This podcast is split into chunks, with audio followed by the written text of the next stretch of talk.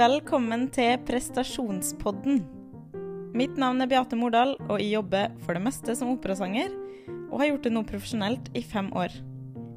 Denne podden den har blitt til mest fordi jeg elsker gode samtaler og drikke kaffe samtidig, men også fordi jeg er veldig nysgjerrig på mennesker og prestasjon og alt som skjer både mentalt og fysisk i forhold til et liv på scenen. Jeg har med en ny gjest fra bransjen hver gang, og håper å inspirere til litt mer åpenhet rundt et tema som kan være vanskelig å snakke om. Da er vi klar for dagens episode. God fornøyelse.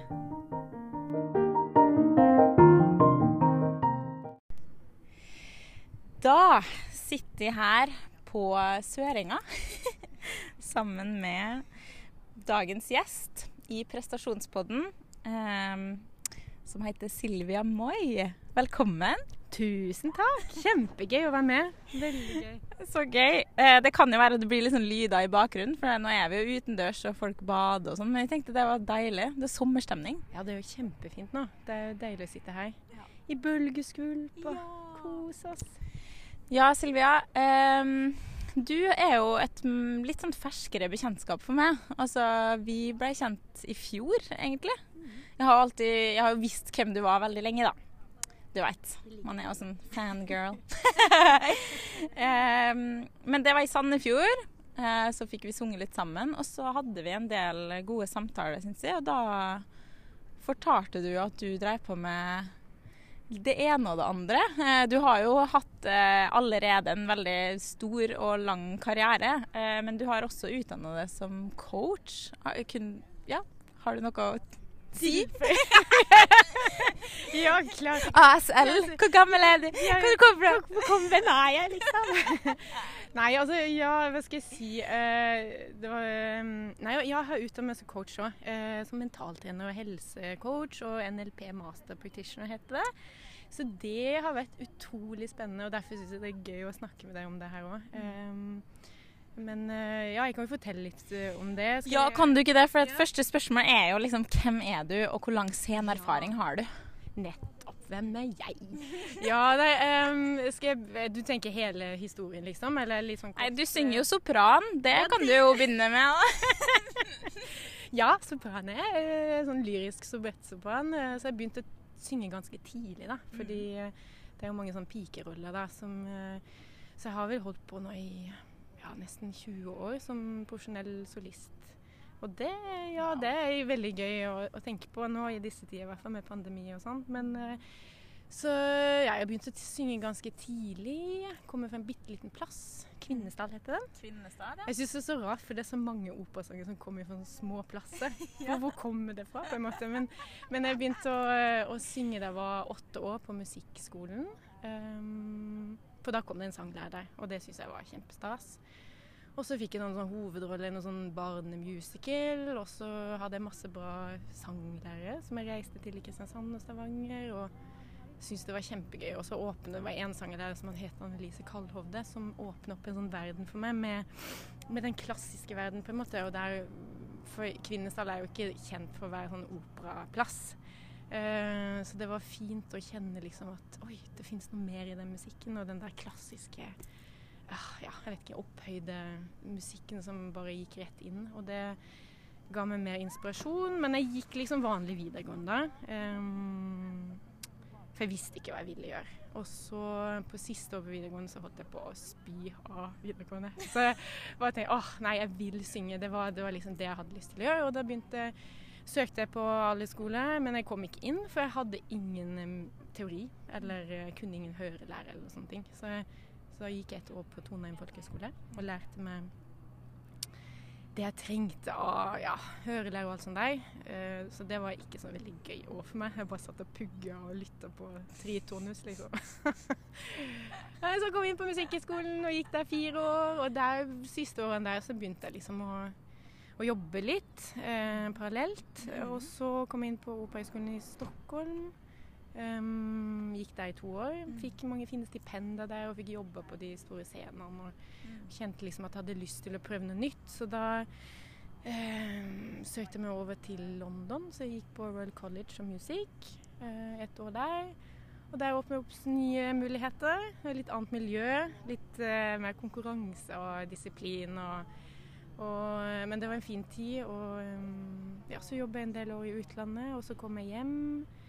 Um, og fikk jobbe åtte år på sånn åremålskontrakt på Operaen her. Åtte år? Ja, nesten åtte Wow. år. Ja, det var lenge. Men egentlig, egentlig så fikk jeg en kontrakt i Berlin og på Commershopet, men det hadde vært så mye ute at jeg hadde jeg kjente at det var fint å komme hjem og få litt sånn rødt eh, her òg. Så det var veldig fint. Og fikk gjort mye fine ting her. Og så har jeg frilans igjen, så jeg er jo selvstendig næringsdrivende. Ehm, ja, og så De siste ti årene har jeg vel kanskje vært veldig interessert i den der indre reisen. Hvem er jeg, hvordan ønsker jeg kunsten min skal være, hvordan kan jeg være friere i det. Eh, og se litt mer på ja, kropp og sinn. Det har alltid vært veldig interessant for meg hvordan vi faktisk kan påvirke det. Ja, ja, det- Samme her. Ja. Yeah. Ja, det vet jeg òg.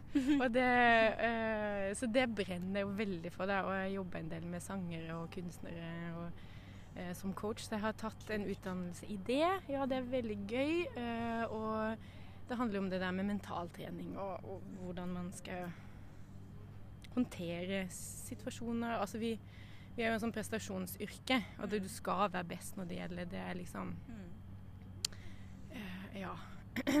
Det, det er liksom ingen unnskyldning for ikke å være best. Hvis du har en personlig krise utenom, så spiller det liksom ingen rolle.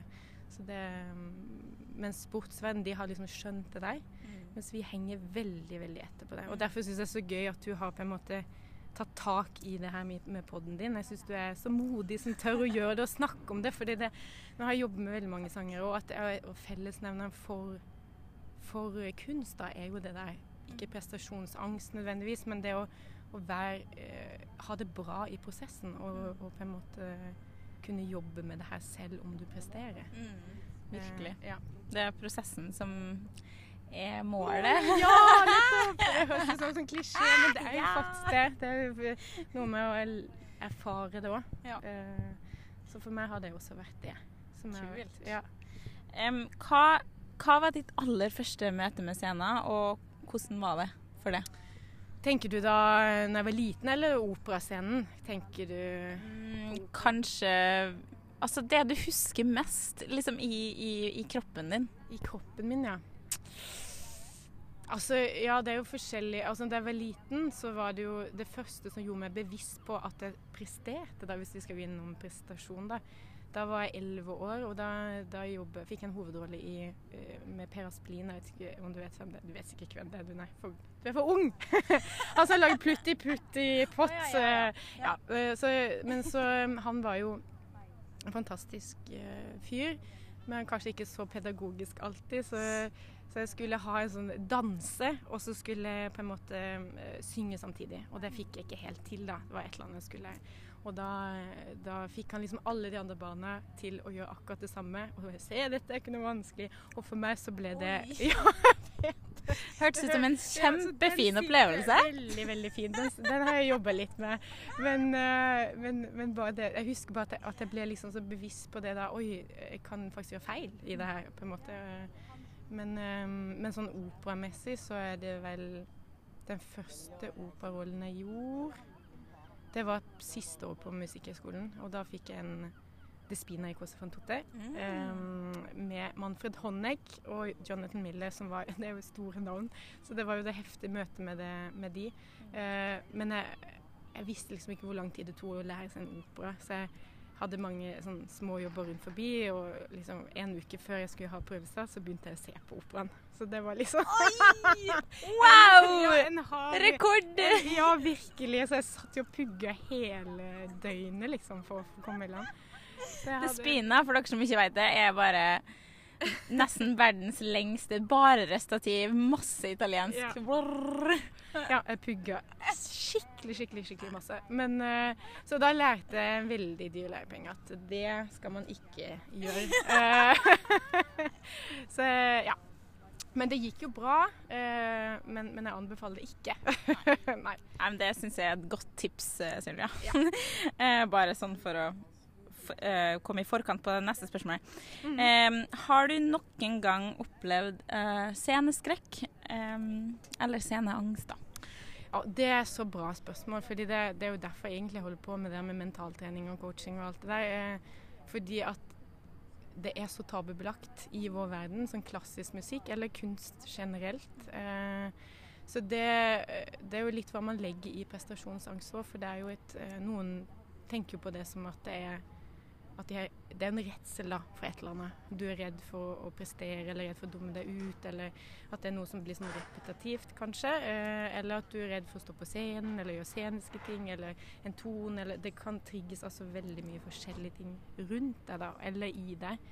Eh, så for meg, jeg har jo opplevd jeg har, Hvis jeg ser tilbake, så har jeg jo hatt Eh, det har jo ikke vært sånn hele tida, men jeg får det innimellom hvis det er ting som trigger det.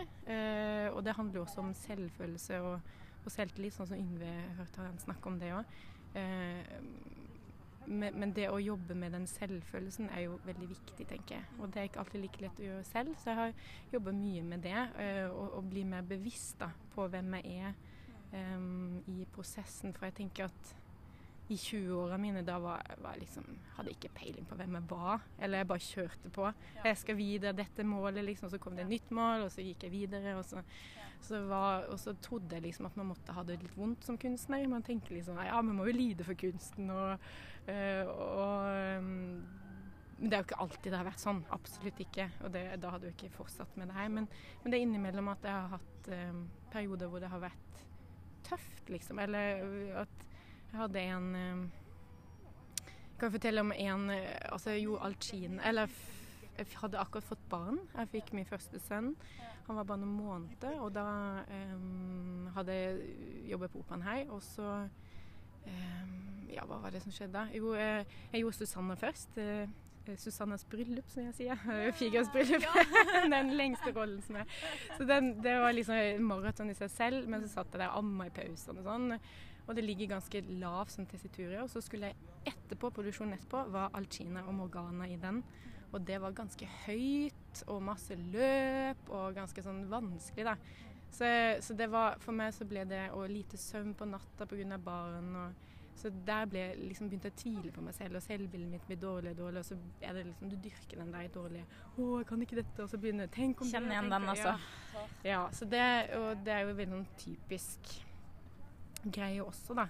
Um, så, så, den prosessen der og hele den det, det, var jo ikke en gøy produksjon, men det er jo noe av det bedre jeg har gjort kanskje i ettertid. da. Altså, det er ofte når du går ut av den komfortsonen at du, du, utvikler det mest, men jeg tenker at jeg kunne hadde jeg hatt flere redskap da, hadde jeg hatt flere, mer bevissthet og jobbe med folk med det her, så, så hadde jeg på en måte kunne hatt det bedre i den prosessen og kanskje gjort det enda bedre. Ja. Og ikke sperre meg selv i det. Vil du si at uh, det var på en måte det du lærte uh, av det? Eller ja, altså Det er sikkert det, flere ting, da. Ja, ja, altså det, det, det, vittige med det Akkurat da lærte jeg vel ikke så veldig mye av det. Men det satte i gang en prosess. Ja. Så fire år etterpå så ringte de Da, da jobbet jeg på en produksjon her i Oslo. Og da ringte de fra Baseloperaen og spurte om jeg kunne komme og gjøre Morgana. Og da med to dagers varsel.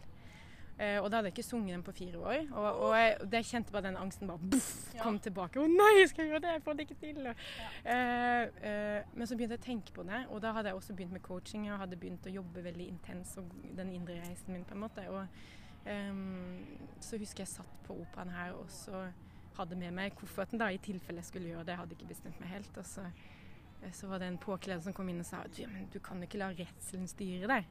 Så jeg bare nei. Nei, det kan jeg jo ikke! Jeg reiser! Og så reiste jeg ned. Uh, så hadde jeg jo liksom Ja, det var jo helt vilt. Jeg visste jo nesten ikke hvilket land jeg var i. Eller uh, bare sang, sang i vei og, og pugge alt jeg kunne. Og regien var jo dobbelt så mye som den var her. Uh, så det var ganske mye å sette seg inn i. Men da fikk jeg brukt alle de verktøyene. Og det er det som jeg syns er så viktig å få fram, da, at det er mulig å gjøre noe med det. Vi behøver ikke ha det sånn. Eh, sporten har skjønt det. De har liksom de bruker det hele tida. Sånn som han der sjakkspilleren. Han ville jo ikke ha mentalcoach eller mentaltrener fordi han skulle klare det selv. Og hele Sports-Norge bare Hva, skal du ikke ha det? det? For det er så vanlig. Det er jo sånn som å gå på do. altså, du, du det er virkelig vi, vi, vi, mangler litt redskap da, til å ha det bra i prosessen. Og ja, og ikke bare redskap, men også økonomi. Eh, ja. For vi har jo ikke like mye økonomi som sportsverden, og det er jo naturlig nok kanskje også pga. publikumsantall. ja, ja. Ja, det, ja, det også. Men jeg tenker jo vi får vi får jo så mye coaching ifra altså Hvis du er på jobb på i hvert fall, så så har du coaching i musikalske instuderinger, du har tekniske, du har sang og du har Absolutt. språk. Men på det som er det mentale, altså det ja. som faktisk styrer alle de, der ja. har vi ingenting. Nei. Det er helt vilt. Det er, det er vilt. sant. Ja. Altså, så det, det, brenner jeg veldig for, da, at, å få det inn i skole. Mm. Det, det, begynner å bli litt mer åpent, men eh, fortsatt er det veldig tabubelagt. Mm. Og det er forbundet med skam, at mm. du, da er du ikke god nok, eller hvis du får en skade på mm. stemmen. Altså, mm. vi tør ikke snakke om det fordi det er så gammeldags system. Ja, pluss at eh, Oppleve også kanskje meg sjøl på, på, på, et plan eh, at eh, OK, hvis du har gjort noe dårlig, så Jeg vet jo hvordan jeg dømmer meg sjøl, mm. eh, men det å jobbe aktivt med å ikke dømme seg sjøl ut ifra mm. én hendelse, tror jeg er noe som bærer mest frukter i in the long run. Da. Altså mm. sånn fordi fordi at hvis du gjør én dårlig audition eller en dårlig whatever, eh, og hvis den som sitter der og hører på det, dømmer det da ut ifra den hendelsen i mange mm. år framover, da er det jo eh, vanskelig, sant? Mm. Det er jo, og det syns jeg ikke er rettferdig. For det er ikke sånn menneskesinnet eller kroppen fungerer. Vi Nei. utvikler oss jo. Ja. Så da må jo Ja. Det er en annen samtale, da, men, men, men jeg skjønner veldig godt hva du mener med det. For mm. jeg tenker jo at siden det er litt sånn gammeldags, og vi skal jo klassiske verden er jo sånn du skal prestere, altså ingen feil. Mens i jazz kan du ha en liten blåtone, og så kan du putte det inn. Men, men, men som sanger òg tenker jeg at det er vanskelig å skille mellom hvem vi er og hva vi gjør. Mm. Og det har jeg møtt mange, mange sangere som, som, sliter med også. Og det, det å, å, um, For jeg tenker vi Det har jeg tenkt på nå de siste årene, at vi synger jo på en måte den vi er. Og hvis det er mye grums inni oss, og mye redsel og masse andre ting som forstyrrer deg, og for den klarheten, da, så vil det bli på en måte eh, grumsete, det som kommer ut. Uh, mm. så jo mer du klarer liksom å finne det, eller den roen i deg selv, og, mm. og, bli mer bevisst, jo mer vil du også få en klarhet i, i stemmen. Mm. Helt enig. Mm. Um, hvis du had, Ja, altså, ville du ha bytta Det er jo kanskje ikke det mest smarte spørsmålet, men det ville du ha bytta Hvis du visste det du visste i dag, da. Yeah. Bytta musikken med noe annet, eller yrke?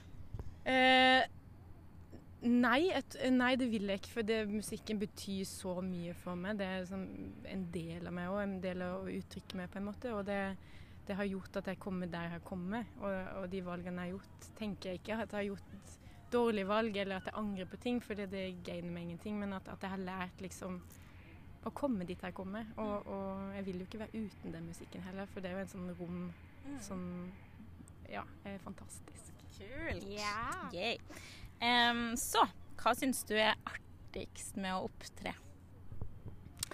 Oi, det gøyeste med å opptre. Ja, men det er jo akkurat det jeg snakker om, det der eh, Musikken, da. Altså det å finne den renheten i deg selv, og ikke at det kommer noe Altså være i flow, da, som de sier i sportsverden. Uh, Vær i flow! Ja. Altså når du, har, når du, er til stede i øyeblikket, og du er sammen med de andre du synger med og spiller med, og, og skape noe som du kan gi til et publikum, det syns jeg er det aller, aller viktigste Eh, og gøyeste.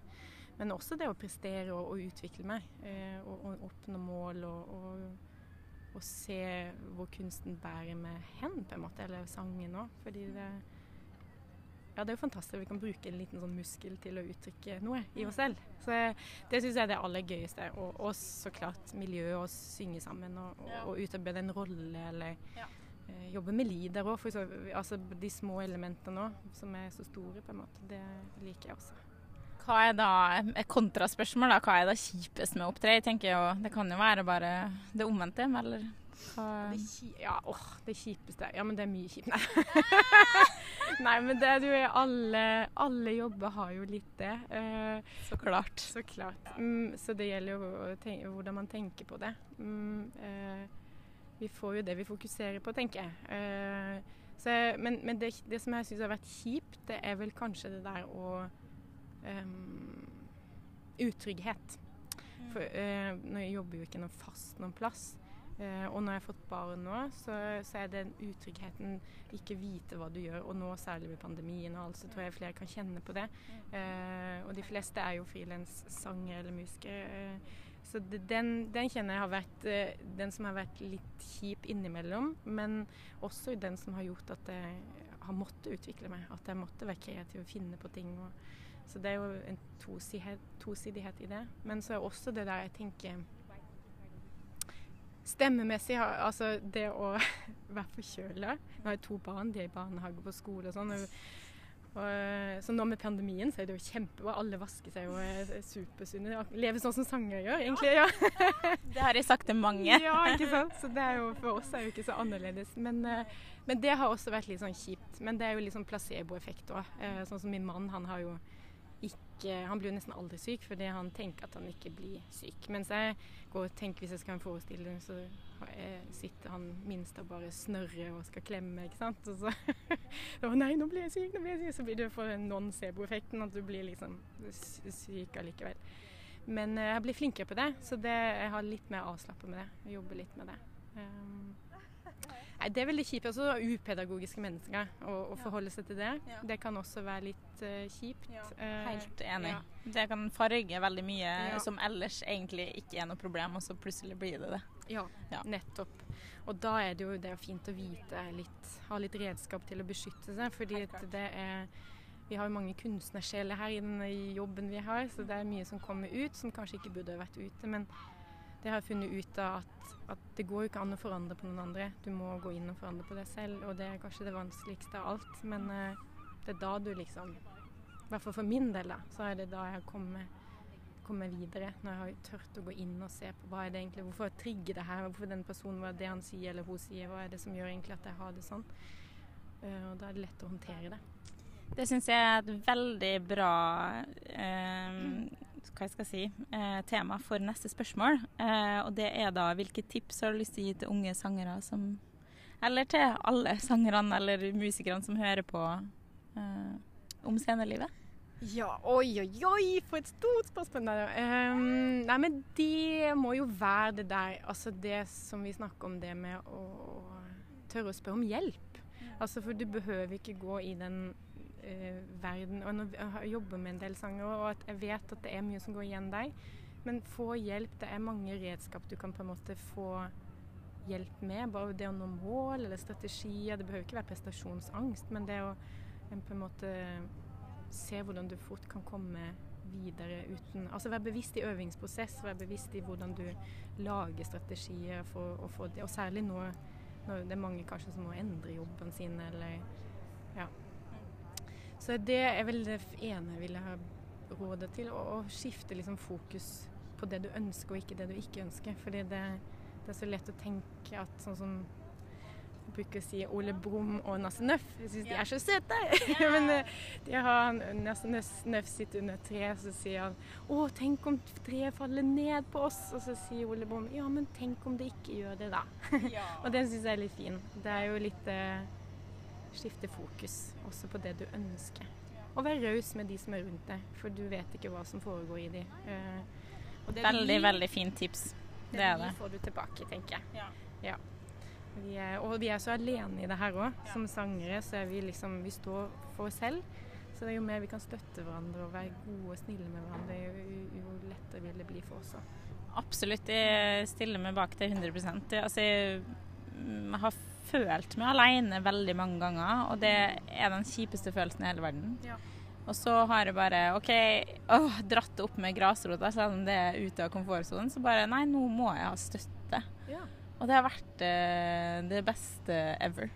Hvor du bare plutselig Men det er også noe med at du skifter blikket. Når du har skifta mindsettet, så er det sånn her Ja, men nå ser jeg hvor jeg får støtte hen. Mm. Mens når du føler deg alene, så ser du ikke det. Nei. Selv om du kanskje får det. Ja. ja, men det er akkurat det. Ja. Det- det er, det er vanskelig å se for hva er det egentlig som styrer oss? ikke sant? Hva er det, hva er det som ligger bak handlingen vår? Det, er- det er litt det, og det er jo også et godt tips å se på hva er det som holder deg tilbake nå i dag. Mm. Hvilke uvaner du har, hvilke overbevisninger du har som gjør at du fortsatt er deg. Mm. Og så se på hva du ønsker deg. da. Hvordan vil du gå fram for å få til det? Um, for det er jo tankene våre som styrer oss, og følelsene. Og vi har jo tror det er 70 000-80 000 tanker hver dag. Og Ja. 90% er de samme som i går. Så det er liksom det å ta tak i seg selv. Ja. Og, og virkelig gjøre den jobben, selv om det er tungt. Og de fleste ønsker jo ikke det. Det er lett å skylde på andre enn å ta Eller bare være i den tilstanden. Og det er jo fordi en negativ tanke koster mindre energi enn en positiv tanke. Mm. Så jo mer du på en måte Ja, det, krever energi å endre en vane Mm. og, og lage nye spor. Men det er virkelig verdt det. Ja. Det er min erfaring i hvert fall. Det, det kan jeg også skrive under på. Um, de gangene jeg har bedt om hjelp og Mm. fått det, og Mm. fått veldig god hjelp i både coaching og andre ting. Også egendisiplin, uh, vil jeg si. Jeg måtte hatt det i sommer fordi jeg skulle synge, nå skulle jeg synge en rolle i Stockholm som er faktisk en tone over hva jeg noen gang har gjort på ei scene før. så jeg bare Å ja, ja, da må jeg jobbe med musklene mine, for det her har jeg ikke i stemmen min sånn Eller jo, jeg har det jo, men eh, jeg syns ikke det høres kjempefritt og deilig ut. Eh, så da bare Nei, da må jeg øve sånn og sånn hver dag Mm. eh, i en periode. Og selvfølgelig med pausedag og sånn. Og med disiplin så kommer frihet. Det er skikkelig dritt når det holder på. For du bare 'Jeg har ikke lyst, jeg har lyst til ut og ta en øl', eller 'jeg har lyst til ut og være sosial'. Bare nei, du skal ha en time der du gjør sånn og sånn. Mm. Og så nå føler jeg meg 100 trygg Mm. før jeg skal til Stockholm på første prøvedag. Så det er bare sånn totalt verdt det. Ja, men det er jo det. Det er jo noe det, det er så viktig, det som du sier der òg. At det, jeg jobber mye med Jeg eksperimenterer med meg selv hele tida på det her. Med mentale ting. Og også det med te teknikk, da. Sangteknikk. Eller jobbe med andre. Altså, en én tone kan ødelegge en hel opera. En hel kveld. En hel uke, liksom. Tenk på det. En liten tone eller et løp eller hva som helst. Du kan få angst for noe sånn bitte lite eller være kjemperedd. Og det men det er også så kult å tenke på at det går an å endre på. For vi har sånn bilde av hvordan vi ser på de tingene. Og det å, å begynne å jobbe med de, eh, det er kanskje ikke så lett alene, men, men at, at du i hvert fall ser hva som skjer i, i, i hodet ditt, og så endre på de metaprogrammene, da. Som Mm. det heter. Ja. Dritbra. Ja, det det, her er veldig interessant, Silvia. Så hvis du føler det kallet til å ta en coachingtime nå, så vet du hvem du skal gå til. eh, ja.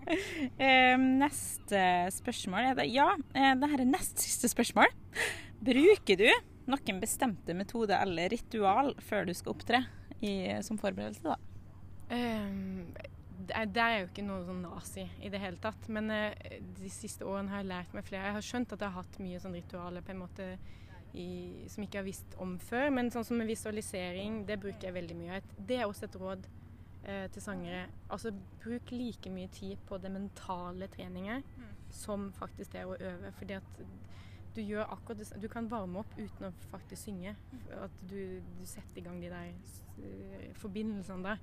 Eh, så visualisering er en veldig god ting eh, å gjøre. Um, jeg vil bruke mange sånne mentale ting fra min mentale verktøykasse. Og ankring og eh, Det er inspirerende for meg å høre òg, det her. Ja, så bra. Ja, ja, eh, men det det hjelper meg veldig mye da, til å, å, å skifte state, altså skifte den tilstanden du er i.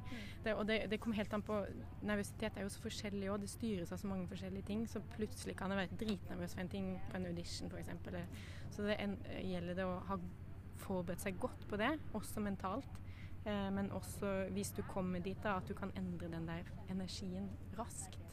Og det fins mange forskjellige ting du kan gjøre på det. Altså, så det bruker jeg. Men jeg har ikke noe sånn spis en banan eller sånn. sånn Tråkke på kostyme. Nei, nei. nei.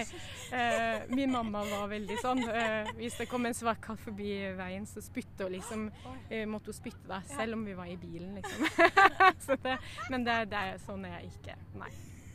Så eh, det siste spørsmålet. Hva er da det aller beste du har opplevd på scenen, Sylvia? Og hva var det mest, ja, altså det mest inspirerende øyeblikket, da? Og hvorfor? Du, tenker du da på andre, da? Altså som jeg har sett? Eh, eller Nei, jeg tenker tenker på det sjøl. Det sjøl, selv, ja. ja. Um, oi, at det er vanskelig. Men det er jo ofte de gangene jeg har vært i flow, uh, hvis du skjønner hva jeg mener med det. Altså ja. når, du, når, når, jeg har følt meg i ett med det jeg holder på med, da. Har du liksom en spesifikk eh, rolle, eller en, et eller annet du husker? husker en scene? Ja, det som er kommet opp nå, er sånn eh, den første, Jeg var i en sånn konkurranse da da jeg var veldig ung. Um, og da, da skulle jeg synge noe Händel. Og det eneste jeg husker for det, at, at, jeg, var, at jeg husker på sånn lys. At jeg var liksom sånn til stede i den eh, Det er det eneste jeg husker der. Men, men, så var det Åse Norma Løiberg som var i juryen, og hun bare sa ja, men jeg merker at du var veldig i musikken. Eller at du var musikken, på en måte. Og det kunne jeg kjenne også at um, Når jeg er det, så det er da det er gøy. Um, men, og, og det, det, hvis jeg skal ta det ut av meg selv, da, hvis jeg skal gå og se på Eh, så husker, Det er jo ofte vi er så analytiske når vi ser andre forestillinger og sanger. For jeg ønsker i hvert fall å lære så mye som jeg kan, da. Eh, men det, når jeg var på Metropolitan Opera og så Andrea Skjold, ja. eh, så, så, hadde jeg ingen mulighet til å analysere. Det bare gikk rett i hjertet på en måte når han sang. Og det var så fint. Og det husker jeg enda. Jeg husker ikke hva han sang, men jeg husker bare at det var liksom det der Det er jo det det handler om. Å få den der friheten til å gjøre det friheten til å, å lage musikk og være Ja, uh, inspirere andre med det. Og det gjorde han virkelig da. Og det, det, der, det, det er vel det som inspirerer meg med, med sang mer og mer, tenker jeg. Ja. At du er liksom i ett med musikken, ja. rett og slett? Ja, og ha friheten til å være det. Ja. Det, det tror jeg. Um, for det er så mye grums i, som har i hvert fall vært i min vei innimellom. Og det, Eh, men det er da jeg har, har det gøyest på scenen nå. Når jeg kan bare leke og ha det, slippe alt annet som har med ytre omstendigheter eller indre press og stress.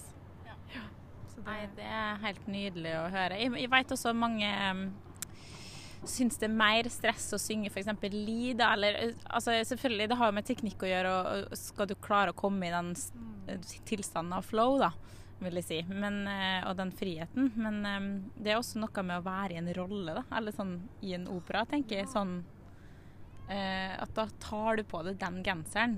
Mens i lyd og konserter så, har du jo, så er det jo liksom Silvia eller Beate ja. som synger. Det er liksom dem, ja.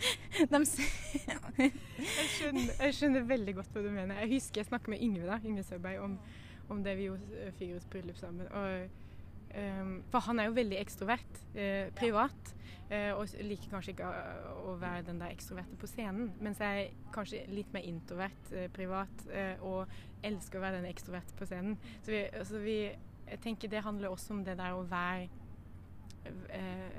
At du føler at du er deg selv.